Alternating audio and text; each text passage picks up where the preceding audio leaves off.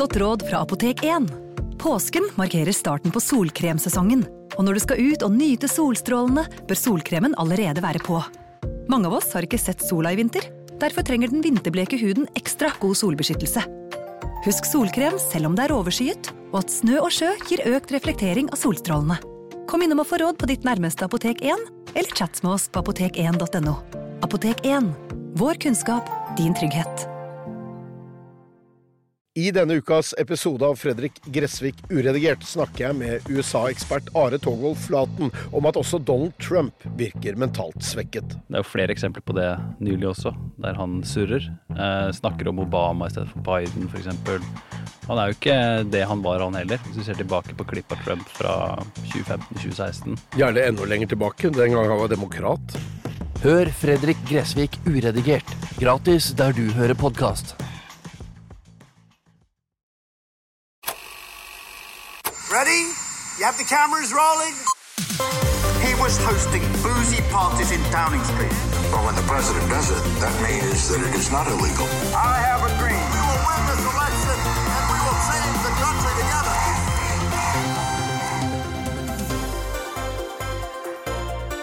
Men, men vær så snill og ikke ta FNs generalsekretær til inntekt for dine synspunkter. FNs generalsekretær har ikke på noe tidspunkt sagt at det er galt av Norge og andre land å sende våpen til Ukraina. Velkommen. Velkommen. Mitt navn er Eirik Bergesen. Og mitt navn er Sofie Høgestøl. Og dette er vårt nokså uhøytidelige, veldig personlige forsøk på å gå bak ukas nyheter, lete etter sammenhenger, si noe om fremtiden, på jakt etter det store bildet, slik vi ser det. Hver fredag. Og ja, Velkommen kjære lytter til denne fredagen. her. Vi ser jo på lyttertallene at vi har fått en del nye lyttere uh, siste uken. Ganske mange, fordi vi hadde tre episoder i forrige uke. episoder forrige uke. Eh, Det er, eh, sånn ble det, eh, for vi hadde livepod. Men den har folk hørt på. Ikke bare våre lyttere, men en hel del nye. Og da klatrer man på sånne lister og sånt. Ja. Det vet jeg du følger veldig godt med på. Sofie. Jeg er blitt oppdatert i løpet av uka. Det er morsomt også for meg. Um, og så litt Ja. til gjesten vår. Ja, for at vi sitter jo ikke her alene. For vårt lille bilde denne uken er jo egentlig at vi satt, sånn, satt på tirsdag sånn, hva skal vi gjøre podden om denne uken? Det er ikke så mye sånn store, sånn åpenbare temaer.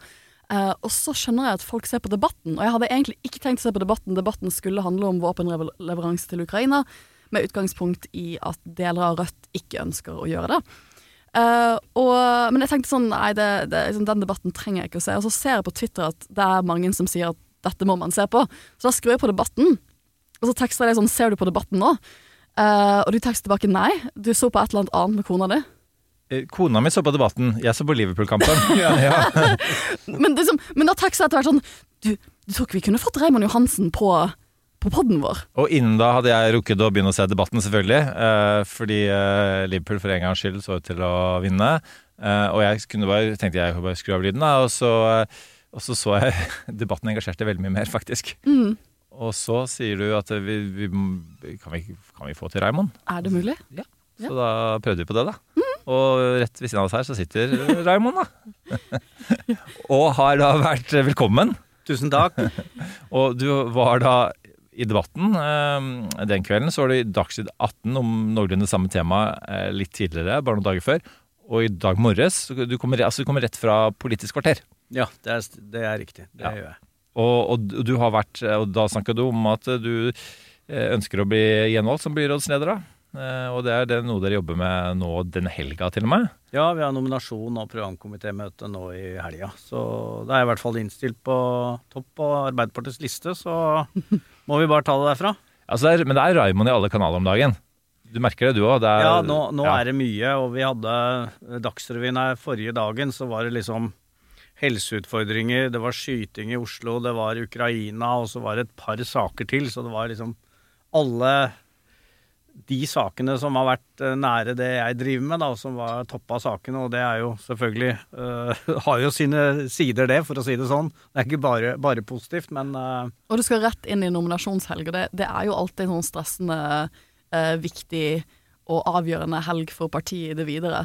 Ja, det er jo det, og øh, nå er det jo øh, Blir jeg nominert, hvilket alt tyder på, så er jo nominasjonstalen, og den skal jo både begeistre og gi motivasjon til den eh, lange valgkampen. Så øh, jobber en del med den nå, da, sammen med mine medarbeidere, for den må jo sitte øh, godt øh, i den, i den forsamlinga der. Så selvtillit er jo ikke alltid det Eller det er i hvert fall ikke det Arbeiderpartiet har hatt mest av det siste året, så det å gi folk selvtillit er jo en forutsetning for at du skal stå og dele ut løpesedler, banke på dører, så skal du jo føle inni deg at du har selvtillit. Dette er jo ikke folk som er så heldige som meg, som kan drive med politikk på heltid. Det er jo, har helt andre jobber ellers, og så skal de stå i og stå på gjennom en valgkamp. Og det må jeg bidra med i helga, og det kjenner jeg litt på. Kan, jeg- kan jeg spørre deg, og nå er vi like ivrige begge to, Sofie, og du var litt ivrig på disse prosessuelle med, med liksom, organiseringen av dette. Jeg ble veldig ivrig eh, og, på dette med selve talen, for det har jeg jobba en del med. Ja. Eh, og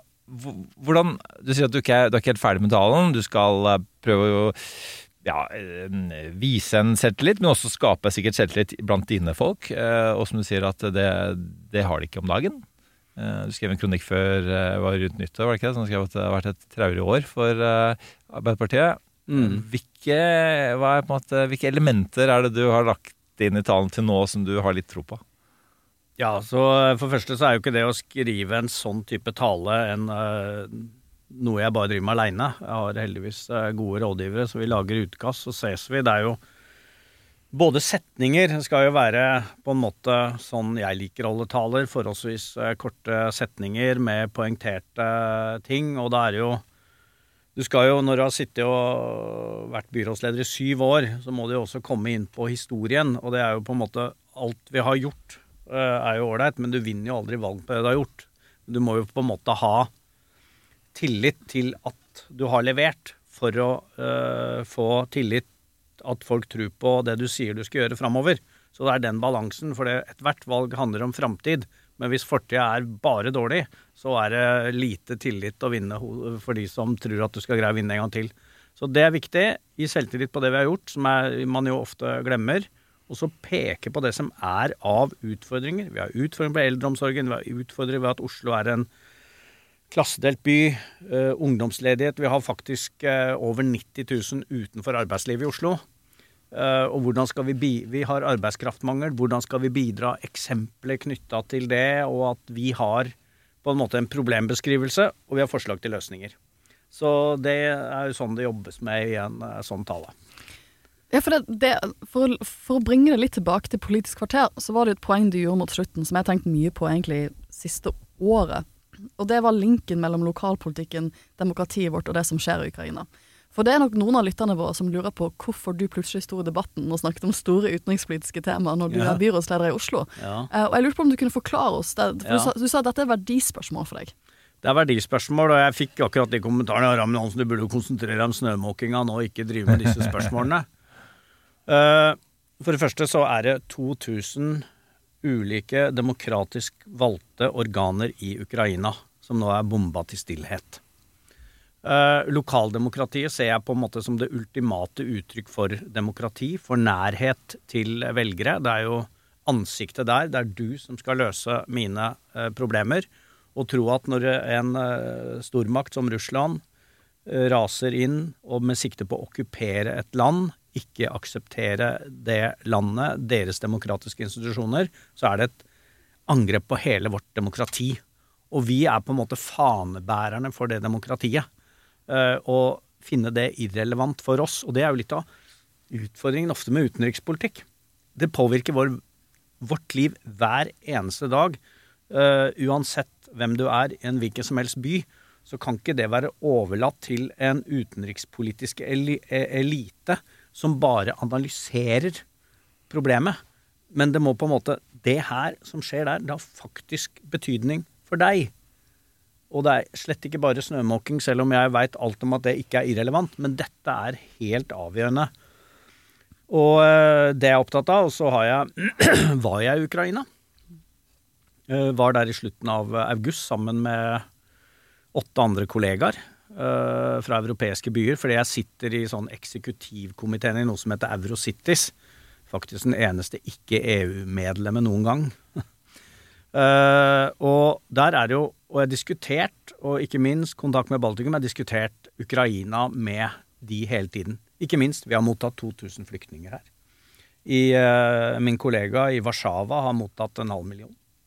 Eh, og det er klart at dette har, som skal ha et sted å bo Uh, Man skal sørge for at barna får gå på skole, i barnehage, ha, fri, ha fritidstilbud. Alle de tinga er jo vi som driver med. Og det å tro at det vi skal motta 2000, mulig kommer 2000 til, og tro at det ikke har påvirkning for oss i denne byen og i denne nasjonen, at det skal overlates til noen andre, nei. Så jeg er ikke villig til å nyansere den debatten rundt Russlands invasjon. Det fins bare én aggressor og ett offer. Det er overskriften. Og det å begynne å nyansere det, det er det jeg har påstått. Konsekvensen av det er å gå Putins ærend. Og dette var det Zelinskyj også var tydelig å si på det eh, møtet jeg var så heldig å ha med han i slutten av august. For det, hva, hva var grunnlaget for at det ble en debatt? At det ble en episode av debatten? Nei, Grunnlaget for det var jo at uh, partiet Rødt er mot å gi våpenhjelp. Til Ukraina. Og til Ukraina. Og samtidig uh, sier at de er for fred. Det er fredslinja. Og hvis du går inn og, og spør om hva fredslinja er da, det minner meg litt om Husker dere Mogens Glistrup? Ja som var leder for Fremskrittspartiet i eh, Danmark.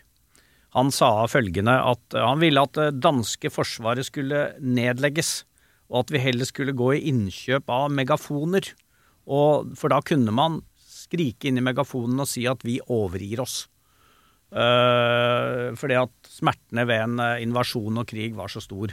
Og logikken med at vi ikke gir ukrainerne i stand til å kunne forsvare seg selv om de vil, ville vært at uh, Russland da okkuperte, og de som drømmer om Sovjetunionens dager, ville vunnet fram. Så det er svært dramatisk det som skjer på vårt uh, kontinent. Det er jo, Rødt er jo også, hører med til historien, et samarbeidsparti for dere Mm. eh, i bystyret. Ja. Um, og den eh, første debatten på Dagsnytt 18 var jo med, med Rødt-leder i Oslo. Hva, på hvilken måte um, har dette betydning for samarbeidet dere har i byen? Det er klart at det vil jo ikke stå i en byrådsplattform eh, sånne utenrikspolitiske spørsmål. Sånn sett så kan du si at det ikke har en direkte eh, påvirkning, for det, vil jo ikke avkreves noe svar av oss.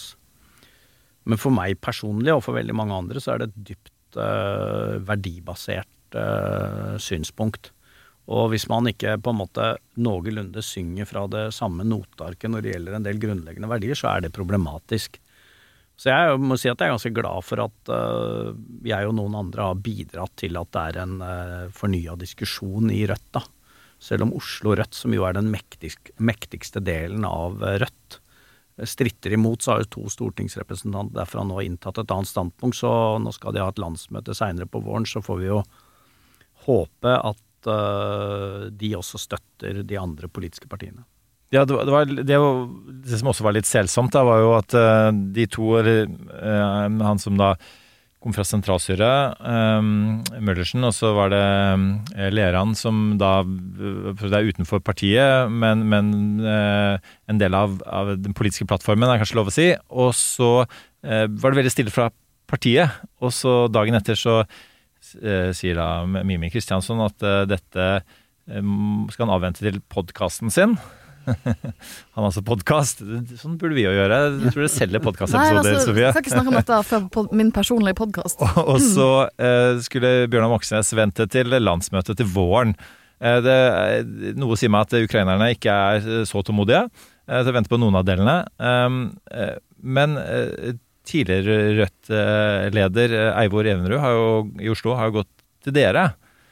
og nå som da podkasten til Mimir er ute, om Marsdal, eh, og han har tatt det standpunktet, og, og, på mange måter har Moxnes også gått imot eh, de to, da, eh, så har det blitt en debatt internt i Rødt. Hvor, hvor tror du den ender? Nei, jeg tror vel han ender med at Rødt åpner opp for at de er tilhengere av å gi våpenhjelp til Ukraina. alt tyder jo på det. Men så er det hvor Oslo Rødt havner oppi dette. fordi at de aller fleste på den lista som er der nå, har jo skrevet under et opprop i Klassekampen. hvor de står på det, etter mitt eh, skjønn, feilaktige ordet fredslinja.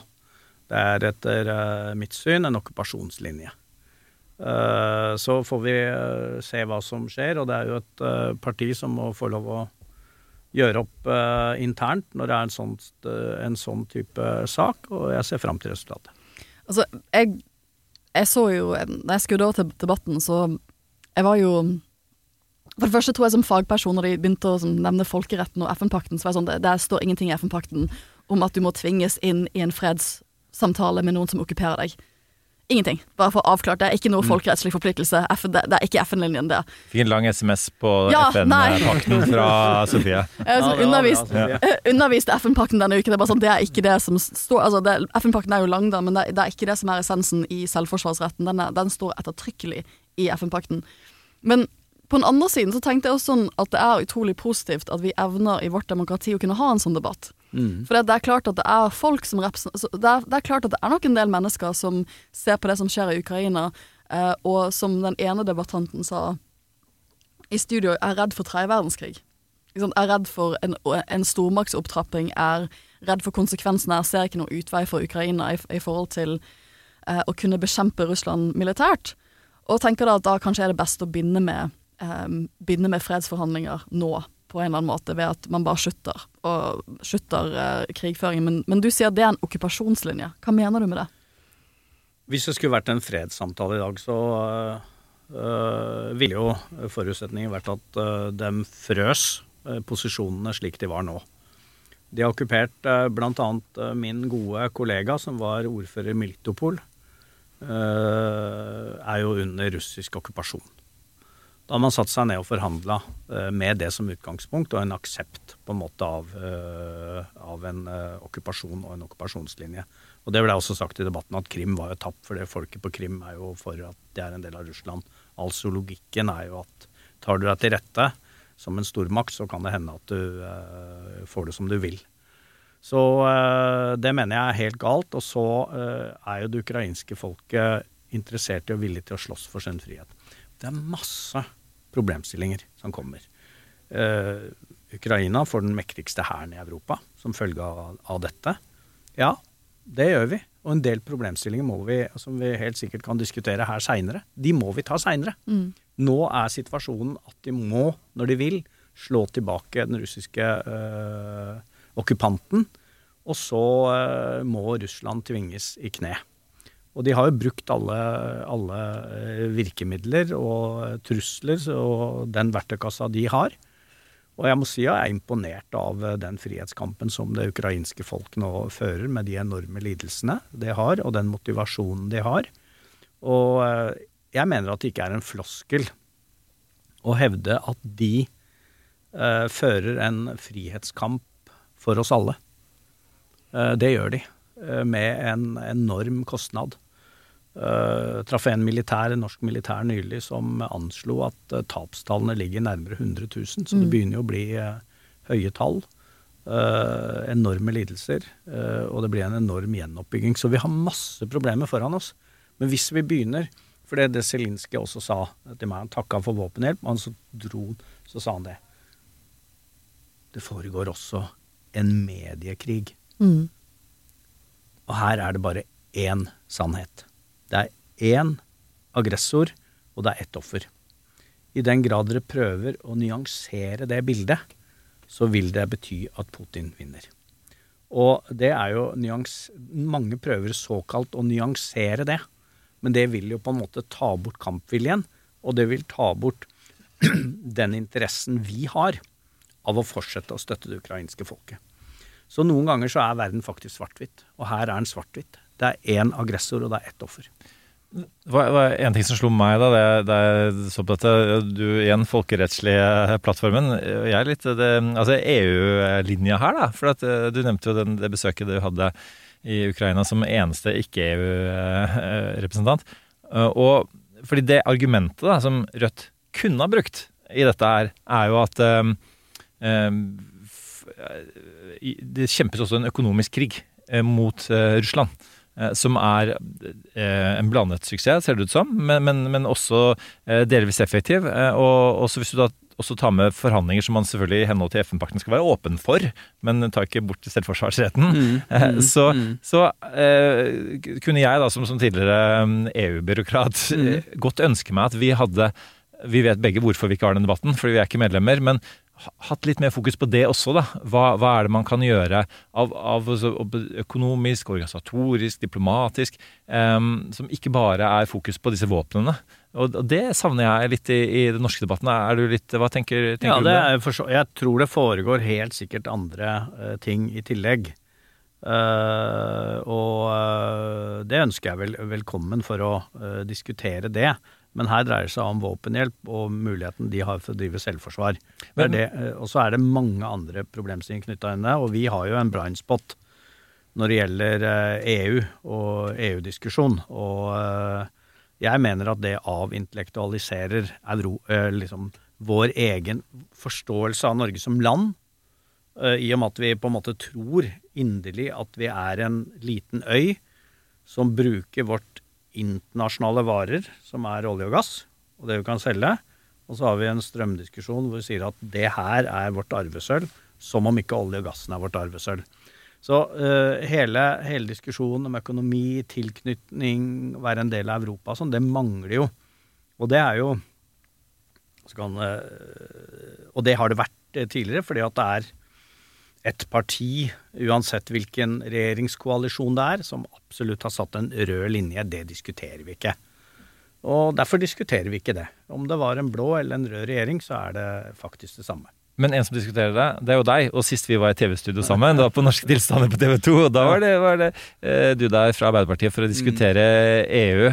Eh, og nå er du fra Arbeiderpartiet for å diskutere Ukraina. Du, du opererer jo også en del som utenrikspolitiker, da. Eh, er det en rolle du, du trives godt i? Savner du UD, er det egentlig jeg prøver å si, Raymond? Jeg, eh, altså Oslo eh, er jo en by som består av 220 nasjonaliteter. Eh, og den bakgrunnen jeg har, både ved å ha bodd i Afrika og Latin-Amerika, og for så vidt min første jobb var jo i Armenia, da var jeg rørlegger. Det var et forhold til Kaukasus. Eh, så er jo det Jeg mener det er en styrke. Eh, Når jeg møter somaliere her, så sitter jeg og snakker om Afrikas Sol med utgangspunkt i at jeg drev fredsprosesser. Og det er også en nærhet i det. Og ikke minst, dere, gjennom pandemien så lærte vi enormt mye om denne byen. Ikke minst hvordan vi skulle kommunisere. Eh, og tro at du liksom kunne kommunisere bare gjennom å si noe på NRK, eller si noe eh, i Aftenposten og VG, så er det mange vi ikke nådde. Og det var akkurat de vi ikke nådde. Vi måtte nå folk med innvandrerbakgrunn. Eh, Smitten var størst, vi måtte nå dem. Og da fant jeg meg selv i intervju med Al Arabiya for å nå Oslo-borgere. og eh, mange av de eh, radiokanalene som de hadde, eh, som de hører på, lærer litt om, om den byen. Dette er en, eh, en multikulturell by med masse forskjellige bakgrunner. Og eh, det mener jeg er en styrke å se på det som det, for utenrikspolitikken i ulike fasonger er i denne byen hver dag. Og så er jeg så heldig, som jeg sa, jeg sitter i styret i Eurocities, og jeg er aktivt med i C40, en svær organisasjon som i utgangspunktet blei etablert av Livingston. Uh, ikke, ikke David Livingston, men Ken Livingston, som var ordfører i London. Som besto av de 40 største byene i verden. Uh, og der er Oslo, København og Stockholm med som såkalte innovatørbyer. Og jeg blir jo mye invitert til å snakke om bl.a. det grønne skiftet i Oslo. Og uh, der har vi gjort mye med fossilfrie byggeplasser. Vi har klimabudsjett. Og nå har London, Paris, New York innført klimabudsjett basert på våre ideer. Og eh, fossilfrie byggeplasser, det å bruke innkjøpsmakta di til faktisk å påvirke markedet i en miljøretning, har vært viktig. Så plutselig befinner du deg i Buenos Aires og er invitert til de store byene og snakke om det. Det er jo hele ideen at lille Oslo, lille Norge, kan utvikle ideer og så scale it up andre steder. Og da får vi redusert klimagassutslippene. Så det, det heng, dette henger, det henger i hop. Det kan eh, høres eh, noen ganger liksom fjernt ut at han vil absolutt sette seg på fly og reise og drite i alle disse trøblete sakene som er her hjemme, men det er høyst relevant. Ja, for Det syns jeg er spennende, for jeg tror nok noen av lytterne våre ikke nødvendigvis er kjent med at du har vært utenrikspolitiker, og den utenrikspolitiske bakgrunnen du har.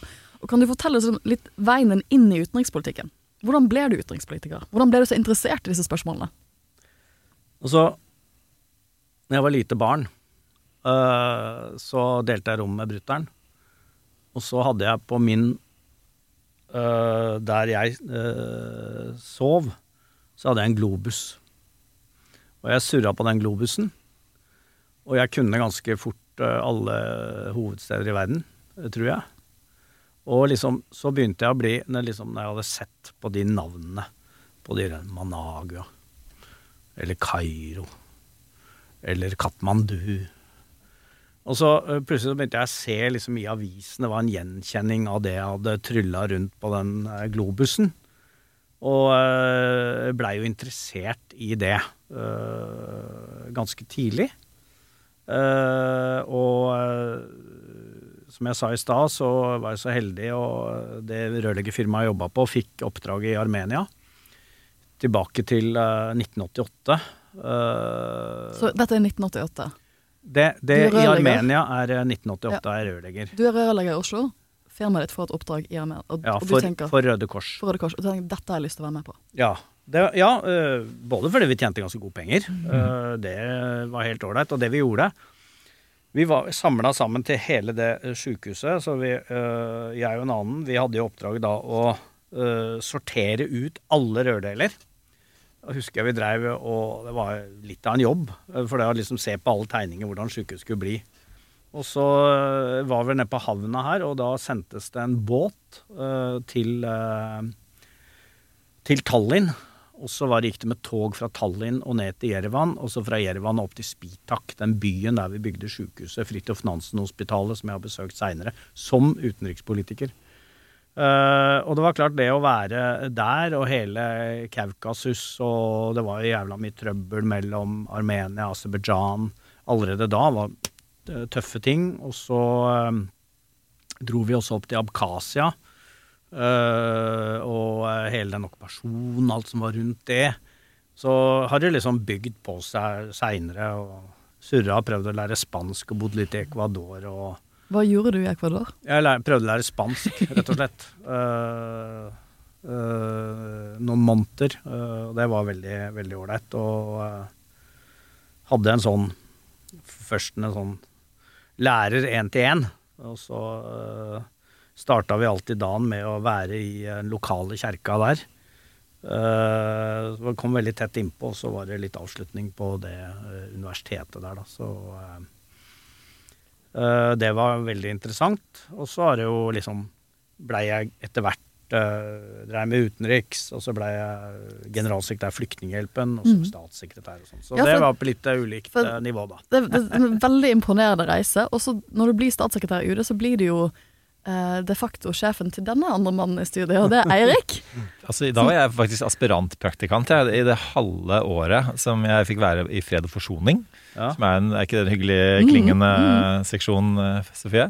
Eh, og jeg overtok faktisk eh, eh, kontoret til eh, eh, til Erik Solheim, faktisk Ja. da han ble minister. For da hadde han vært byråkrat en liten periode, han også. Ja. Eh, og det var et veldig rotete kontor, og da fant jeg, jeg sånn her, og da skjønte jeg at ingen kom, han kom ikke til å rydde her. Uh, og han hadde, jeg hadde ikke kjent noe til å gjøre det heller, så jeg rydda, da. Så rakk jeg til jeg rakk å bare rydde, og så ble en, en fetere katt kom og tok kontoret mitt. Eh, og, og så da fant jeg ulike sånne servietter, men nærmest sånne utkast til fredsforhandlinger på Sri Lanka.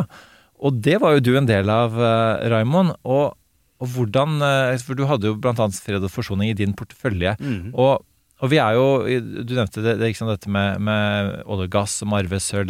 Vi, vi har jo også eh, fornybarløsninger som vannkraft osv. som er viktige for oss. Men eh, ja, i ulike tider da, så har jo også fred og dialog eh, vært, vært viktig. Um, og da var jo eh, S- Støre utenriksminister, og da var jo dialog, dialog det store. Og, og det fungerte jo i perioder. Vi har, vi har jo fremforhandlet eh, en fredsløsning i Colombia som presidenten der og FARC fikk eh, Nobelprisen for. Eh, og, så, gjorde vi jo mye fremskritt eh, på Sri Lanka i en, i en periode. Eh, og når, man, når Rødt nå eh, går tilbake dit og snakker om at vi må, vi må forhandle fred osv. Så, så så har du faktisk jobba en del med det også. Eh, Og hva er det som skal til, eh, tenker du som gammel fredsdiplomat, eh, for at man helt kan komme til bordet? Det er jo utrolig mange forskjellige nivåer på den jobbinga. Eh, Det ene er jo eh, liksom bare det å være som vi var på Filippinene. Det å bare at Norge er en venue, som vi sier, et sted. Det er egentlig bare å holde av hotellet oppe i Holmenkollen og sørge for at de er i trygghet eh, og får snakka sammen. Noen parter og jobbe med å få dem dit. Så det er ett, eh, en fase. Og den første og neste fase, da er hvis på en måte partene vil at du kan gå lenger og fasilitere og komme med ideer. Uh, og så er det jo uh, og, og der er jo vi ganske uh, gode på å kunne fasilitere og snakke og ha noen second track og ene med det andre. Og så er jo det siste leddet, er jo, som er veldig vanskelig for lille Norge, er jo om man da skal kunne sette makt bak noe. Det kan jo ikke vi. Men vi kan jo på en måte kunne tilrettelegge for det. Jeg driver mye i Sudan. Eh, Når jeg bodde i Eritrea, så var det konflikten mellom Eritrea og Etiopia, og jeg var den eneste eh, han presidenten som dessverre sitter ennå i Eritrea, faktisk ville snakke med, så han har jeg timevis hatt uh, leksjoner med. Uh, Hvilken og- jobb hadde du da? jeg var, jeg var uh, jeg både som statssekretær, men også som chargé d'affaires, Ja. eh, hvor jeg eh, var det eh, Asmara for å tilrettelegge for åpningen av en ambassade. Spennende tid i en italiensk-inspirert by som Asmara og lære eritrea, og det er masse eritreere i Norge også. Uh, og da hadde jo den perioden, uh, når vi tapte valget, for jeg var også statssekretær når Jagland var utenriksminister, så uh, hadde vi jo fred og forsoning som en av hovedsakene som man skulle jobbe for i vår periode i Sikkerhetsrådet, og særlig Afrikas Horn. Og uh, da var det, dro jeg ned, og da var det jo den uh, Vi jobba med det i Sikkerhetsrådet. Samtidig uh, som jeg var der, og jeg husker Jan Petersen kom på besøk, og kvelden før så var jo veldig, var jo veldig spennende. Så ringte han, eller forværelset til han presidenten og sa da kunne han plutselig ikke møte Jan Petersen da, og da var jo han på vei. Så det var jo skikkelig pinlig. Eh, ordentlig pinlig. Eh, og så kom hele Sikkerhetsrådet på besøk. De satt der, og Norge fasiliterte for at Sikkerhetsrådet først var i Addis, og så videre opp til Asmara. Så da sto det et Bråten Safe-fly på flyplassen i Asmara, gitt. Som da tok hadde sørga for å få det inn, men uh, vi har nok ikke greid den konflikten, og det er jo Jeg tror vi har tilrettelagt, og kan nevne mange andre. Midtøsten og eh, som driver mye med. Og så leda jeg også menneskerettsdialogen, annet med Kina, en rekke ganger. Eh, så jeg har lært mye av det, men eh, jeg er ikke naiv, for å si det sånn, om hva, hvilke krefter som er, på, som er i spill. Nei, og, og du øh, Jeg spurte deg i stad om- om du, du savna UD, og jeg spurte om det en gang før òg. Da, da, da var du akkurat ferdig som statssekretær, og jeg var på min første av tre permisjoner. Kom aldri tilbake. og vi var i et eller annet debattprogram eh, på NRK, husker ikke hva det var igjen, eh, bak eh, scenene. Så, og, og, da var svaret ditt at ehm, nei, du gjorde ikke det fordi du hadde reist så mye rundt, og du følte at du, du flytta ting en millimeter. Og turte ikke jeg å spørre deg om det var én millimeter om gangen eller én millimeter til sammen. men, men det var et type frustrasjon som det vel hører deg si også, om, at verden dessverre, da, og det er litt derfor vi sitter her hver uke og prøver å eh, nøste opp i dette her, ikke alltid går mer enn en millimeter frem, og noen ganger går den, går den flere meter tilbake. Um, og, og når du den ene delen av dagen jobber med snømåkinga, som også man sliter med, og ikke minst i mitt område, oppe på mm. Kastellet, det må du ta kikk på, uh, og, og, og, og også utenrikspolitiske ting som har med lokalpolitikken å gjøre, da, som du snakka om i stad. Hvordan balanserer du det? Altså, Min hovedoppgave er jo selvfølgelig å drive her i Oslo, uh, med alt hva det uh, innebærer. Uh, Det er ikke resultatorienterte jobber, dette her. Nei, det er ikke det. Men sånn som Oslo er jo noen ganger så Ja, jeg er lokalpolitiker. Jeg er definitivt vært byrådsleder i Oslo i syv år. Men liksom sånn Oslo kommune, vi har budsjett på 90 milliarder. Vi har 53 000 ansatte. Eh, Det er en by på over 700 000. Det er et område hvor eh, 1,2 millioner er ut og inn. Så det er liksom noe med å Ja, eh, det er å sammenligne liksom Vi driver borti alt med sosiale forskjeller. Det er helse, det er eldre, det er eh, utenforskap, det er indirekte eh, utenrikspolitikk. Jeg må ut når det har vært skyteepisoder, det er kriminalitet, det er gjenger, det er masse store problemer som Vi har litt noen ganger litt sånn vanskelig for å innse at Oslo er litt uh, spesielt, for det høres ut som uh, Og i tillegg alle hovedstadsfunksjonene og sånn. Uh, men det er en, en krevende by som rommer så mye, og så mange utfordringer på så ulike nivåer. Og folk lever jo sine liv. Nå nevnte du Kastellet. Det er, det er veldig typisk, fordi at i en storby så lever jo også Noen kan leve på Torshov, og noen på Lindeberg, og noen øh, på Vinneren. Og det er jo miljøet og kosmos på Vinneren, og kosmos på Kastellet, og kosmos på Tors- Og det er de problemene. Så du har masse, masse lokalsamfunn som har absolutt bare fokus på de problemstillingene som er der, og øh, lenge leve Kastellet, drit i ja. Er- men det er også forståelig. Drit i Det er sånn- som vi pleier å si på Kastellet. holtet, ja. Eh, sånn lever vi livene våre, eh, rett og slett. Jeg ble Jeg, jeg tror jeg har sagt det på podden før, men jeg, det, det morsomste jeg gjorde i sommer, det var å bli invitert um, eh, til Tolga for å snakke om demokratiet. Da liksom gikk jeg frem og tilbake. Hva er det jeg skal snakke om? Uh, liksom, vi, gjerne litt sånn, eh, litt sånn Det skulle jo være de store spørsmålene i verden, men det jeg brukte mest til å snakke om, var egentlig lokalpolitikk. Uh, og, og, og jeg tenkte mye på liksom, hva, hva skal budskapet være i en tid hvor demokrati er under press i verden? Og det er det helt klart. Og det var liksom konklusjonen min etter mye grubling uh, før jeg skulle holde foredrag. Det var at det kan virke ganske sånn abstrakt, tror jeg, for, for ganske mange. Sånn, nå står Ukraina, som du sier, denne, i fronten, i bresjen for denne demokratikampen. Hva kan vi, hva kan vi vanlige borgere egentlig gjøre? Sånn. Hvordan kan vi støtte dette? Vi, vi kan støtte partier og politikk eh, som går på å å hjelpe Ukraina. Vi kan gjøre en del sånne ting. Vi kan selvfølgelig samle inn humanitær bistand, det er kjempeviktig.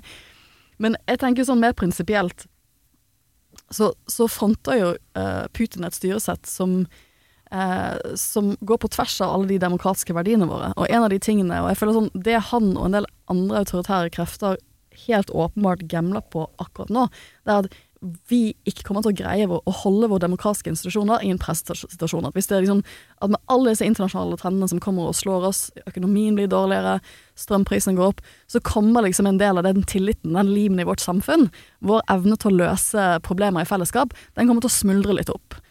Um, og og, og liksom, i lys av det, da, så er det jo jeg tror sånn, en, sånn, en, sånn, sånn, en sånn konkret motstandskamp vi også kan føre, det er å ha et skikkelig godt og rikt lokalvalg. Så nå er jo år, da. For det, det, er jo, liksom, det er jo ryggmargen, som du sier, i demokratiet vårt. Det er å vise at nei, vi kan stå i krevende problemstillinger. For jeg føler sånn, Den, den autoritære uh, autokraten sin budskap er jo sånn Disse er vanskelige problemer, nå kommer jeg med løsningene. Du trenger ikke å gjøre så mye. ikke sant? Jeg, kommer til å, liksom, jeg tar litt av friheten din, men så kommer, til, så kommer jeg til å styre ting på en god måte. Men i demokrati så må vi jo styre oss selv, og det kan være kjempevanskelig når vi står i alle disse store problemstillingene. Eh, og da er vi liksom tilbake til lokalpolitikken, um, og at jeg føler sånn ikke no, altså, Jeg kan godt skjønne at Jeg kjenner jo folk som syns det er sånn Det er kjedelig å stemme i lokalvalg. Sånn, de er politisk interessert, men det å stemme i lokalvalg, det kan være litt kjedelig. Sånn, det, men det, det er jo lokalpolitikken som er tettest på våre liv. Og det er jo det som styrer altså Hvis du er 16 år gammel, så er det jo lokalpolitikere som styrer mye av hverdagen din i praksis. Det er ikke topp topp politisk ledelse. Sånn, hvordan skal du liksom nå, nå er vi jo et lokalvalgsår, du skal prøve å få gjenvalg som fire nye år i denne byen. Hvordan er det liksom skulle linke disse store utfordringene? For jeg føler Det er jo det du er flink til. Du tar utenrikspolitikken ned i disse lokalpolitiske spørsmålene og viser sammenhengen, da. Ja. Jeg, pleier, jeg har noen ganger eh, irriterer meg at eh, Og jeg tar det med NRK. Jeg ringer opp. Så eksempel å snakke om eh, noen ting med skolepolitikk. Så inviterer jeg mine stortingsrepresentanter nærmest for å diskutere vårt ansvar. Oslo-skolen. Så sitter noen som er helt fjernt unna, og så eh, ringer de ikke og spør de som har skoa på, som har det ansvaret, som må stå til rette overfor velgerne. Og jeg er plageånd, altså. Fordi at eh, det irriterer meg. eh, og det er på sak etter sak. Og så mener jeg at pandemien snudde litt om på det. Fordi at noe av Om det er vedvarende eller ikke, det er jeg faktisk usikker på. Men da så vi jo den nærheten som lokalpolitikere, ordførere rundt i Norge hadde til sine innbyggere. Uh, og det var suksessen i Norge kontra i Sverige, hvor uh, fjernt unna. Mine kollegaer i Stockholm og Göteborg hadde jo ingen tilsvarende uh, makt uh, som det vi hadde. Fordi smittevernloven skal jo håndheves av kommunene. Og, og den nærheten det førte Plutselig så visste folk hvilken bydel de bodde i. De fikk telefoner fra ja, hvor mange har du vært i kontakt med, og de ringte til stadighet og spurte hvordan det var med deg. Og så hele den der relevansen da, fikk de eh, bekreftet, eller, eller kunnskap om, gjennom, eh, eh, gjennom pandemien. Så jeg har litt lyst til liksom, å bruke den til å minne om at det er vi lever våre lokale liv. Det er vi som sørger for eldreomsorgen. Det er skolene, det er barnehagene, det er eh, snømåkinga, det er eh, trikken og T-banen og alt dette som er det daglige livet. Og så eh, mener jeg at øh, øh, også media i noe grad, nå skal jeg ikke skylde på media, men i litt for liten grad liksom utfordrer øh, Hvis noen stortingspolitikere kan si at nei, jeg skal ikke være med på det, du bør invitere en fra Lillestrøm til å snakke om dette når dere skal nevne det eksempelet. Ja, det, det er interessant det du sier, for jeg, jeg, men jeg føler sånn, sånn Hvis vi har lyst til å gjøre det sånn Hvis vi har lyst til å, å støtte Ukrainas demokratikamp, så er det mange måter å gjøre det på. Men det hadde vært veldig fint for vårt demokrati om vi kunne fått opp valgdeltakelsen i lokalvalget. Liksom, det er sånn konkrete ting. Vi kan alle være litt mer engasjert i lokalvalget som skjer nå. Men jeg ser at nå har du oppe hånden, Erik. Ja, um, um, ja det, var, en, det var et sånn lokalpolitisk spørsmål. Mm. fordi du hadde um, Vi er ikke et revolverintervjuprogram. Uh, Eh, men eh, hvis jeg får lov til å stjele et, eh, et eh, godt spørsmål da, fra, fra Politisk kvarter eh, tidligere i dag, eh, så, så eh, tok de opp dette med at eh, du innførte, eller dere da, med deg, innførte eiendomsskatt i Oslo for å bedre eh, eldretilbudet, blant annet. Og så har det vært, har NRK hatt noen saker nå som har, har vært eh, utfordrende Ja. eh, for dere. Kan vi ta en liten runde på Ja, det ja. også, uh, midt oppi all utenrikspolitikken. Ja. Hvordan eh, Er det noe du kommer til å snakke om i, i talen i morgen? Er det en av de Ja, ti ting? det gjør jeg. Ja. Hvor, Eh, hva, hva, hva måte Hvordan ønsker dere å løse det? Men først må jeg si at vi har ansatt 500 flere i hjemmetjenesten. Og 100 flere som jobber på sykehjem. Eh, og det har nok ført til at eldreomsorgen har blitt bedre. Samtidig som vi har offentlighet rundt alle avvikene. Når vi overtok i 2015, så var ikke avvikene offentlig. Og det er jo en muligheten til å forbedre det på. Men eh, jeg kommer ikke til å legge skjul på at vi står foran enorme utfordringer demografisk. Vi blir eldre og lever lenger, og det er bra, men gjerne de siste åra i livet ditt så eh, blir du sjuk. Og vi ser at veldig mange av disse på hjemmet har kognitiv svikt. Uh, og vi har ikke mange nok som ønsker å jobbe innafor eh, eldreomsorgen. Så det er på en måte færre som skal holde mange oppe. Uh, og må jo snakke om det. Uh, Noe kan løses liksom med omsorgsteknologi og sørge for at det ikke er noen dørstokker hjemme som gjør at bestemor detter og brekker lårhalsen og igjen må på sjukehus. Og så er det en avtale vi må ha med spesialisthelsetjenesten. For det sannheten er jo at flere og flere sjuke blir utskrevet. Og det er eh, kommunehelsetjenesten som må overta det. Og vi har ikke f.eks. Syk, sykepleiertettheten er jo stor på sjukehus. Men på helsehus, på sjukehjem og sånn, så er det mange, mange dyktige helsefagarbeidere. Men den eh, kompetansen som er eh, medisinsk, er veldig, stor, veldig forskjellig. Så det nivået mellom stat, kommune, ansvar er, eh, er kjempeutfordringer. Som hele Europa har. Som Kina har. Uh, altså, jo, men dette er virkelig med en, uh, med en eldre befolkning overalt, og færre som skal holde oppe. Altså, hvis vi skal greie dette, her, så må jo halvparten av alle som får seg nye jobber, jobbe i omsorgsyrkene framover. Men det kommer jo ikke til å skje. Så det du ser, er en bil som kjører sakte framover, som du da må prøve å, å, å styre eh, på så best du kan. og så er det et, et lite sånn uh, byparlamentarisk spørsmål. Eh, fordi eh, eh, partikollega av Sofie og, og god venninne det- eh, Ane Breivik ble nevnt eh, på Fikk en shout-out. Jeg tror. Ane er kjempefornøyd med å ha fått en shout-out på Politisk kvarter. Det tror jeg hun lever lenge på i helgen. For hun har lansert at eh, hun mener at eh, Arbeiderpartiet lokalt bør samarbeide med Venstre, eh, og ikke med, med Rødt. Hva er status på det? Altså Enkeltsaker har hatt et veldig godt eh, forhold til Halstein, eh, som er gruppeleder. Eh, men nå har, Høyre, nå har Venstre valgt Høyre, da. Eh, og det er deres foretrukne partner, og det tar jeg til etterretning. Her blir det internt oppgjør i Venstre, Sofie. Så jeg styrer ikke hva, hvem Oslo, Oslo Venstre skal jobbe med, men jeg er jo fra Bergen, og i Bergen har man jo samarbeidet med Arbeiderpartiet. Jeg- Jeg er veldig pragmatisk på det. Og da, når du snakker om EU, så merker jeg at da tenker jeg at ja, selvfølgelig skal vi samarbeide med, med Men Oslo og Høyre er jo også, og tror jeg, er enig i den EU-linjen. Ja. Men, men jeg, ville, jeg, jeg tenkte jeg egentlig skulle kopiere ditt, spørsmål, ditt svar på sånne spørsmål. Det er sånn, det handler jo om politikk, ikke sant? Hvis, hva, hvem Oslo Venstre skal jobbe med, handler jo til bunn og grunn hva man får gjennomslag for politisk. Mm. Og hvordan, hva er den beste samarbeidskonstellasjonen for å få gjennom det politisk. Og det har jeg stor tillit til at våre lokalpolitikere skal greie å navigere mye bedre enn meg. To gode politikersvar der, altså. Jo, men, men også er jeg en sånn, sånn til at uh, mange uh, var ute liksom og sa at jeg har tilrettelagt for å gi Rødt veldig uh, mye makt. Ja, det er riktig, men det er noen som har tilrettelagt det enda bedre. Det er velgerne. Helt riktig. Det er velgerne. Og, og det er sånn som i Arbeiderpartiet så er det sånn ja, Raman du gir altfor mye til MDG, rasende Og ikke minst oppe i Groruddalen.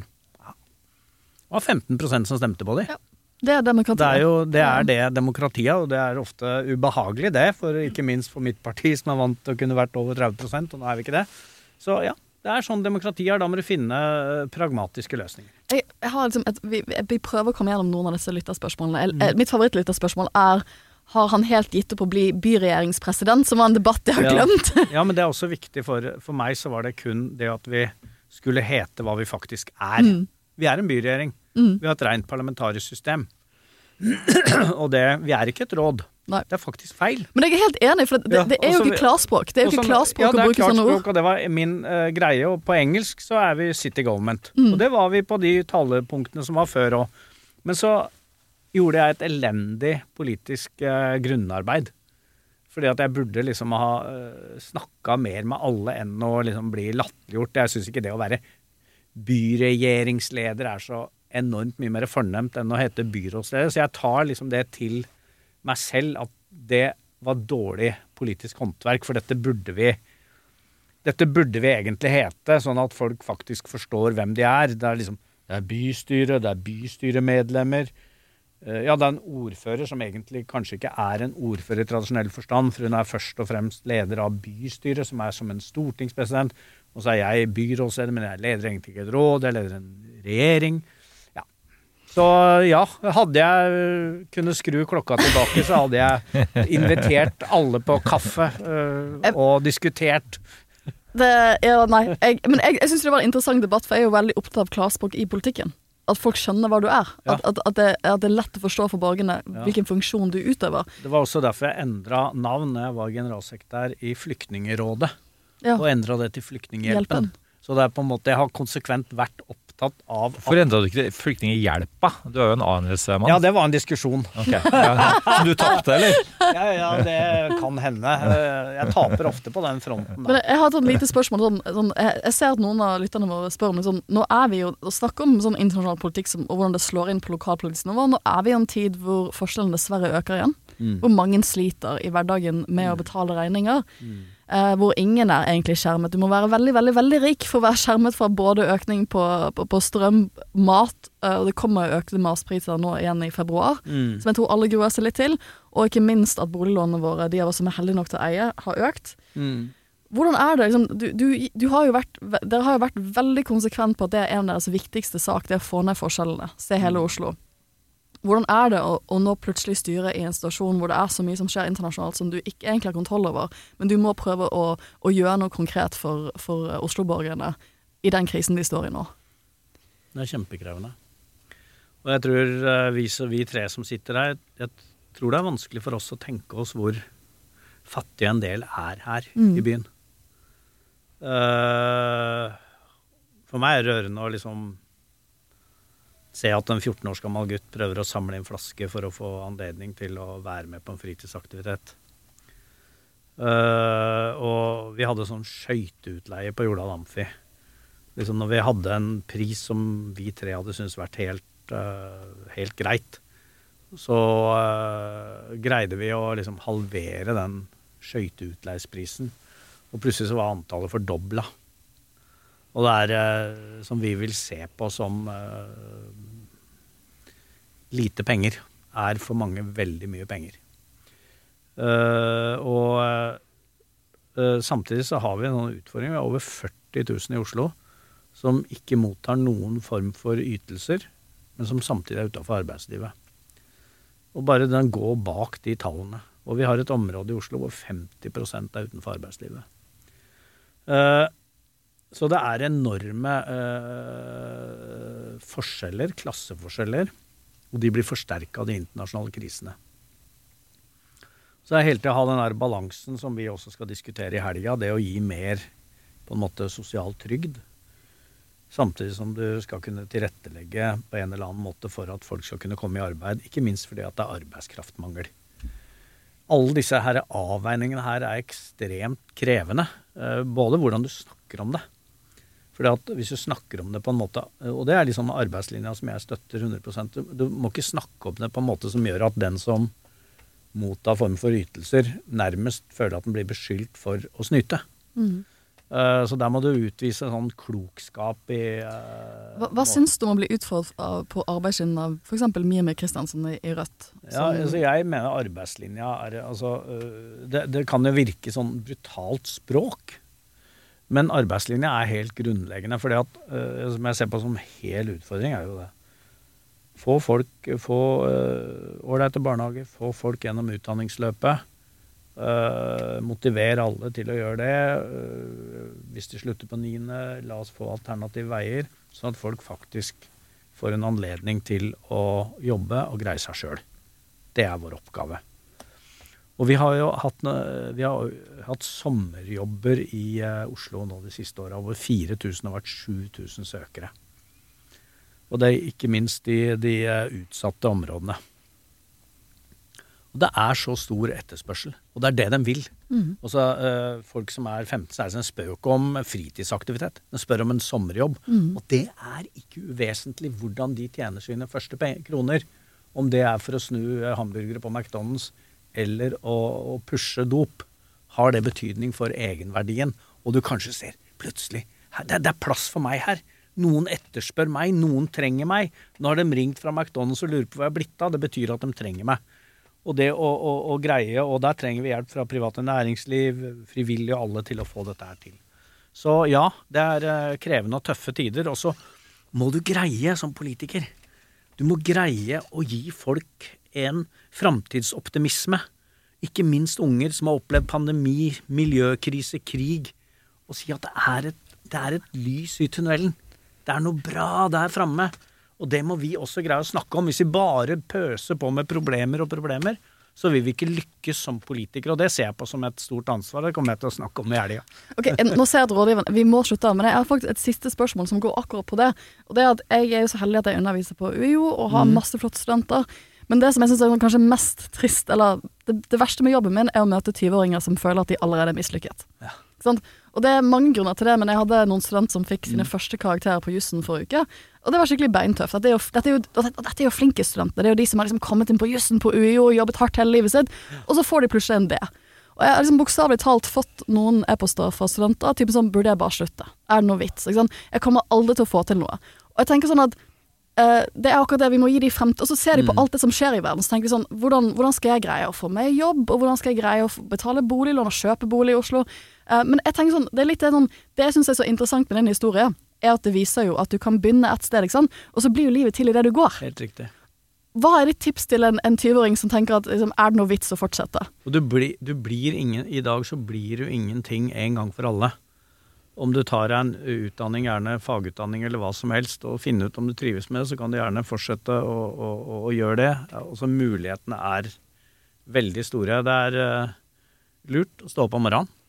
Uh, få deg nok søvn. Uh, og det mener jeg Vi snakker altfor lite om søvn. Fordi folk sitter med lesebrettet og til langt utpå natt og kanskje sover fire-fem timer og tror at du da skal yte topp dagen etter. Det går ikke opp. Nå er jeg ikke høres ut som en moralistisk gammel mann, og det er jeg kanskje også, men det er bare noe sånne enkle. Sånn spis ålreit, prøv å få i deg søvn. Gunhild Stordalen har skrevet bok om dette, Raymond. Det gikk ikke så bra. Nei, jeg, ikke, ja, men jeg mener sånn søvn og, og, og de tingene, men uh, du, blir ikke en ting du blir ikke noe en gang for alle. Og det med framtidsoptimisme, det er bare sånn helt avslutningsvis. Jeg fikk en sånn veldig sterk Jeg var med Oslo-politiet og besøkte Stockholmspolisen rett etter øh, påske i fjor, hvor det hadde vært veldig mye trøbbel i Sverige. Og da var jo en del av som de så på det, var jo at mange av disse 30 års gamle eh, gutta, for det er gutter med innvandrerbakgrunn, de trodde ikke de blei så veldig gamle. Ja. De trodde ikke, Og da kunne de gi faen. Er det bare å gi jernet? For de trodde ikke egentlig at de blei så veldig gamle. Og mange blir jo ikke det heller. Og hvis du på en måte får den holdningen, følelsen, i livet når du skal bygge samfunn, så øh, det å gi optimisme og framtidshåp, også i en øh, litt mørk tid, er et, øh, en viktig forpliktelse vi har som sysler med det jeg driver med. Jeg syns det var en fin eh, avslutning, Ja, Raymond. vi gleder oss nå Eh, enda mer til denne talen. vi føler at vi har gått litt bak kulissene også på, på, på talen. Du skal eh, haste videre. Du har en rådgiver som eh, venter tålmodig på deg her. Um, og så var det noen spørsmål vi ikke rakk eh, fra lytterne våre. Blant annet eh, blir du eh, Norges eh, neste statsminister. Eh, og hadde vi eh, Vi jobber jo mye med amerikansk politikk. eh, og Vi skulle jo gjerne hørt dine tanker og, og om eh, altså, folk posisjonerer seg ved høyere politiske posisjoner. De skriver gjerne en bok eh, på forhånd. Det gjorde du gjennom krisa i fjor. Vi skal ikke gå videre på den eh, tråden. Du rister veldig på hodet nå, det ser ikke lytterne. Nei, altså, jeg, og ler avvæpnende. Du skal få lov til å forlate opp, For at jeg tenkte at det vi skulle gjøre, vi skulle selge inn at han skulle komme tilbake og snakke om EU-politikk. For det hadde vært interessant å høre mer om. Men, men du skal få lov til å si noe hyggelig om Arbeiderpartiet, da. For at det er ikke bare, det er ikke helt til slutt. eh, For at det er ikke bare Oslo Arbeiderparti som vinner valget, dere gjør det så, som et parti. Hvordan skal Arbeiderpartiet som parti helt avslutningsvis eh, vinne lokalvalget i mange byer til valget i høsten? Være samla, ha et uh, tydelig uh, program. øh, våge å snakke om uh, problemene, men også samtidig vise løsningene. Og så kommer jeg til å si avslutningsvis på talen min i morgen, tror jeg, at husk at de blideste vinner. De blideste vinner. Det er faktisk helt riktig, det er fra amerikansk politikk. Those who have the most fun win elections. Veldig bra. Tusen- tusen, tusen, Tusen takk for at du var med. Raymond. Lykke til i valgkampen og eh, med det du skal gjøre i helga. Tusen takk.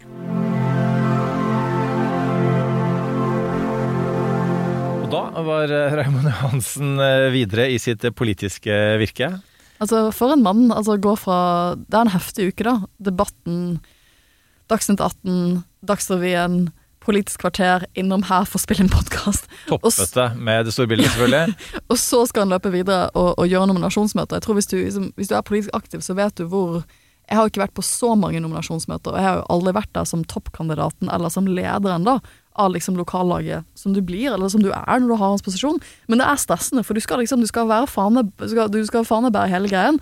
Og så er det ikke til å stikke under en stol at det har vært en vanskelig uke for han eh, med den berettigende kritikken som har kommet mot eh, eldreomsorgen i Oslo, og ikke minst det at Arbeiderpartiet ikke er ørn i norsk politikk akkurat nå, så alt, alt, liksom, alt blir jo litt sånn eh, litt sånn utfordrende, men, uh, men han er så nedpå. Og jeg håper det kom gjennom i, i teipen. At jeg blir Jeg er alltid så imponert over politikere som kommer inn i studio bare sånn Still meg alle spørsmål. Jeg vil ha en samtale, og, og kan snakke om ting på en så forståelig og klar måte og, men såpass spennende å liksom, gjøre Konkretisere mange av disse store prinsippene vi kan snakke om, i ordentlig reell politikk, da.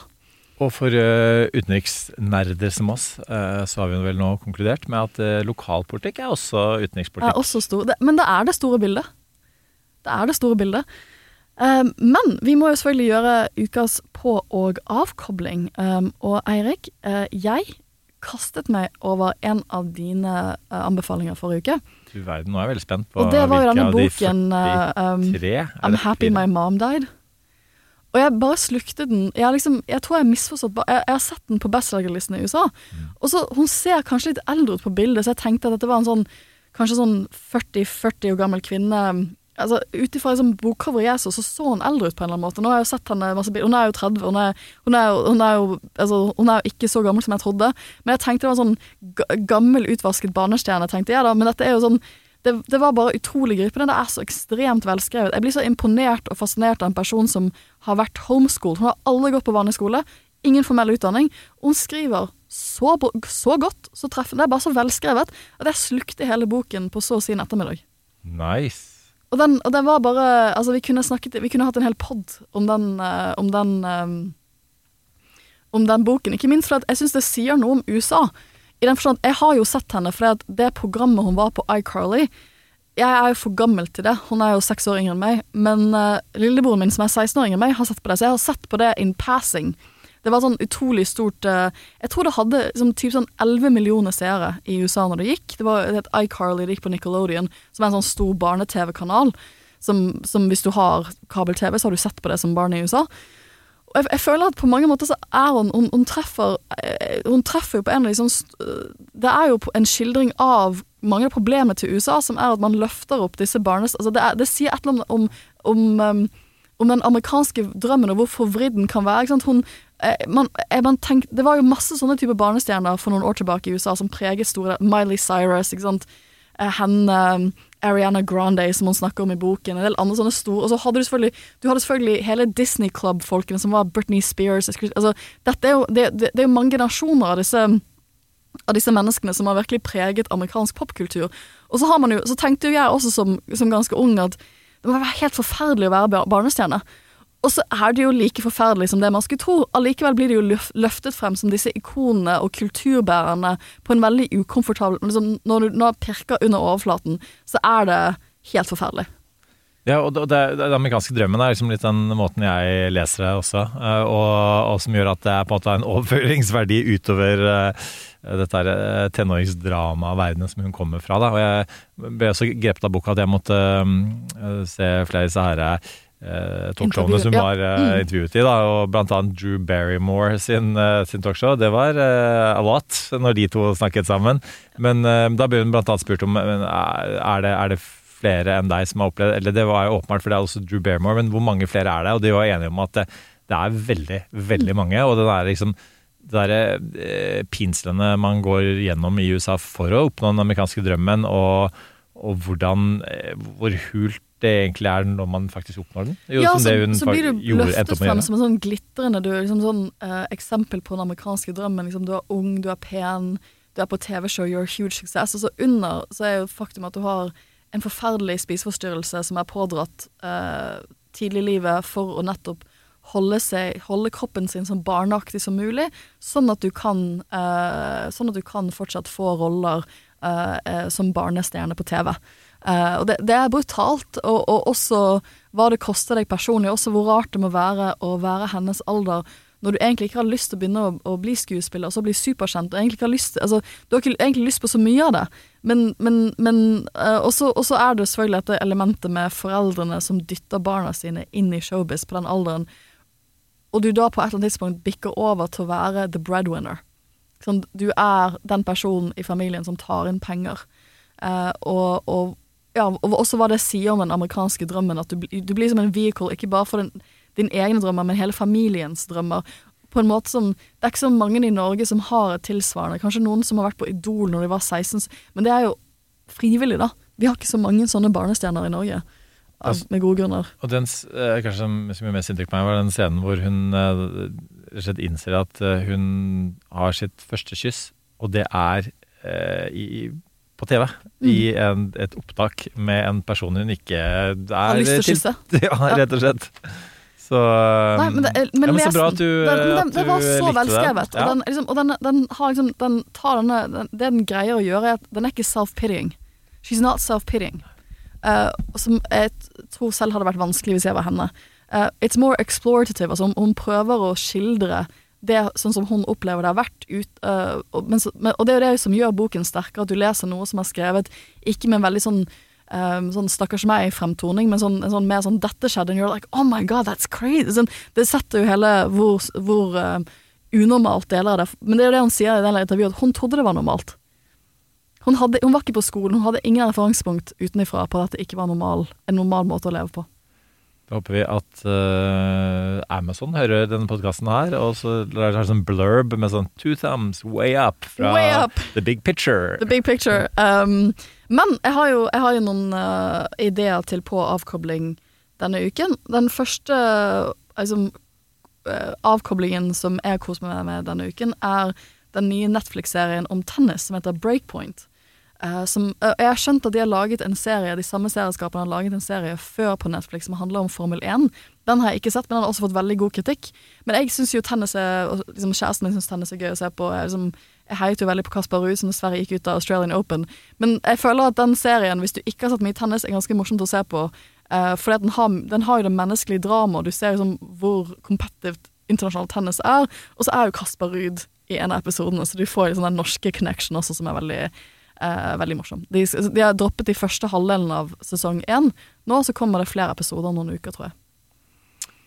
Hva er din Du, jeg har også en uh, TV-serie som uh, eh, Nå ble det veldig mye engelsk her. 'Swept Me Away'. Altså, det var en veldig, veldig kul opplevelse. 'Reservation Dogs'. Har du hørt om den? Ja. på Disney Pluss. Altså det, er, det tar utgangspunkt i en, um, en Native American um, eh, Ja, hva skal jeg si del av Oklahoma. Det er jo et, et type sånn reservat eh, hvor, hvor man bor, hvor det er eh, Ja, det, det, det er dårlig kår, da. Um, og det er eh, delvis drama, delvis komedie. Det er sykt bra musikk. Soundtracket drev jeg og hørte på. Jeg var opp og ned til Bergen i går i forbindelse med norske tilstander. Og det er eh, kjempebra. Mye sånn Oklahoma sånn indie- og hiphop-band. Men det er bare så utrolig morsomt. Det er en sånn standup-gjeng, faktisk. En sånn impro-gjeng i eh, Oklahoma blant native americans da, som heter eh, 1491. Eh, og det er flere av de som, som måtte spiller i den serien. Eh, så det er bare Det er, det er liksom det er, det er eh, morsomt, det er, det er på kanten, det er eh, Og politisk, da, med store forskjeller i USA. Så jeg bare, bare Jeg syns det var eh, det var sånn du bare har lyst til å se episode etter episode, episode, og det en stund siden på, på TV. Fordi jeg, jeg har, eh, har liksom viet meg til bøker, eh, vil jeg mene, lenge nå. Og, og, og liksom jeg føler at jeg har sett lite TV. Så, um, men da, dermed har jeg også en bok. Og dette er en sånn bok som, som jeg var nylig i en middag, og så snakket jeg om, om bøker og, og babla om de bøkene jeg hadde lest. Og så var det en som sa men hva med 'Verden av i går' av Stefan Zweig? Og så sa jeg den har, du ikke lest den? Er du gæren? Du kan ikke ha en podkast som heter Store bilder og ikke ha lest 'Verden av i går' av Stefan Zweig. Hva annet av Stefan Zweig har du lest? Jeg har ikke lest noe annet. Har du ikke lest noe annet? Det er det verste jeg har hørt. Eh, så er jeg, nå er jeg i gang, da. Så jeg er sånn cirka halvveis. Og en um, eh, For de som ikke vet hvem det er, da, så er det en eh, var da en østerriksk eh, eh, forfatter eh, og kulturpersonlighet eh, som eh, dessverre døde. Eh, altså han tok livet sitt, faktisk, til og med, i, altså, i begynnelsen av krigen. Fordi han Hvilken krig? Eh, altså andre verdenskrig. Mm. Fordi han eh, syntes hadde feiden hadde gått helt av hengslene. Eh, og nå har ikke jeg kommet til konklusjonen hans enda, så, for dette er en selvbiografi. Eh, han skrev også en del romaner. og så Jeg vet, vet ikke hva som er ledet til det, men man, man får jo en del hint. da, Og han snakket om Raymond i stad snakket om dette med framtidsoptimisme. Og det er jo, og så har vi snakka en del om at det er noe man eh, har vanskelig for å holde på i disse dager. hvor Man føler at det, det er mye kriser, og de krisene henger sammen. Og de krisene ser ikke ut til å løse seg med det samme. Eh, og det, er, og, og, det, det han skriver her, da, er på en måte at det, Østerrike, Tyskland og etter hvert da, eh, hele verden pga. Eh, nazismen eh, havner i en eh, situasjon, for så vidt også kobla med fascisme i en del land, ekstrem kommunisme i en del land, som, som gjør at, at man gikk fra en type sånn framtidstro, hvor man virkelig etter første verdenskrig følte at verden var i ferd med å bli et bedre sted, eh, til at alt falt i grus. Og så, og så føler jeg at det ligger en advarsel der da, allerede nå om at eh, hvis man ikke tar hensyn til de kreftene, hvis man ikke Altså, altså det, han snakker om på en måte eh, studentgrupper med, med, med voldelige fascister som, som trakasserte verbalt og banka opp eh, medstudenter. Altså man, man, så liksom vekk på en eller annen måte. Og nå har vi, vi har snakka om i USA hvor man setter de tendensene, i Brasil man setter de tendensene. Eh, og Stefan Zweig avslutta faktisk livet sitt i, i Brasil. Han eh, flyktet dit eh, til slutt. Så Og han eh, Nei, altså et påminnelse om at eh, altså man, man må stå opp mot eh, fascisme, og ikke minst voldelig fascisme, eh, og man må gjøre det i dag, liksom. Det, det er ikke noe man kan vente med. Det er interessant du sier det, for hvis vi ikke hadde hatt gjest, så skulle jeg gitt et annet lille bilde basert på det som skjedde i går. For i går var jeg holdt et foredrag på Nordfjell. Um, og jeg, jeg, jeg vil bare takke en del lyttere som tatt kontakt etter, etter på avkoblingen vår forrige uke, hvor jeg snakket om, om å ha hatt en dårlig uke. Det, det var veldig, veldig hyggelig. Eh, og ikke hyggelig at så mange kunne kjenne seg igjen, men det er alltid fint å vite at, uh, at det, dette er ganske universelle opplevelser. Men det som kjente på Jeg, jeg lånte eh, bilen til foreldrene mine, jeg kjører jo ikke så mye. Jeg eier jo ikke bil. Um, det er mitt uh, innsparingstiltak når jeg har stort studielån og stort boliglån. Det er ikke, og, også noe, og miljømessige grunner, ikke minst, og så bor man i Oslo, så det er mulig. Men da lånte jeg bilen til foreldrene mine og tenkte sånn, det er bra for meg å gjøre en langkjøring. Jeg liker jo egentlig å kjøre bil. Det er bra å gjøre en langkjøring. Um, det går ikke noen busser til Nordfjell midt, uh, midt i uken. Uh, og jeg skulle snakke om det store bildet, altså hva som skjer i verden.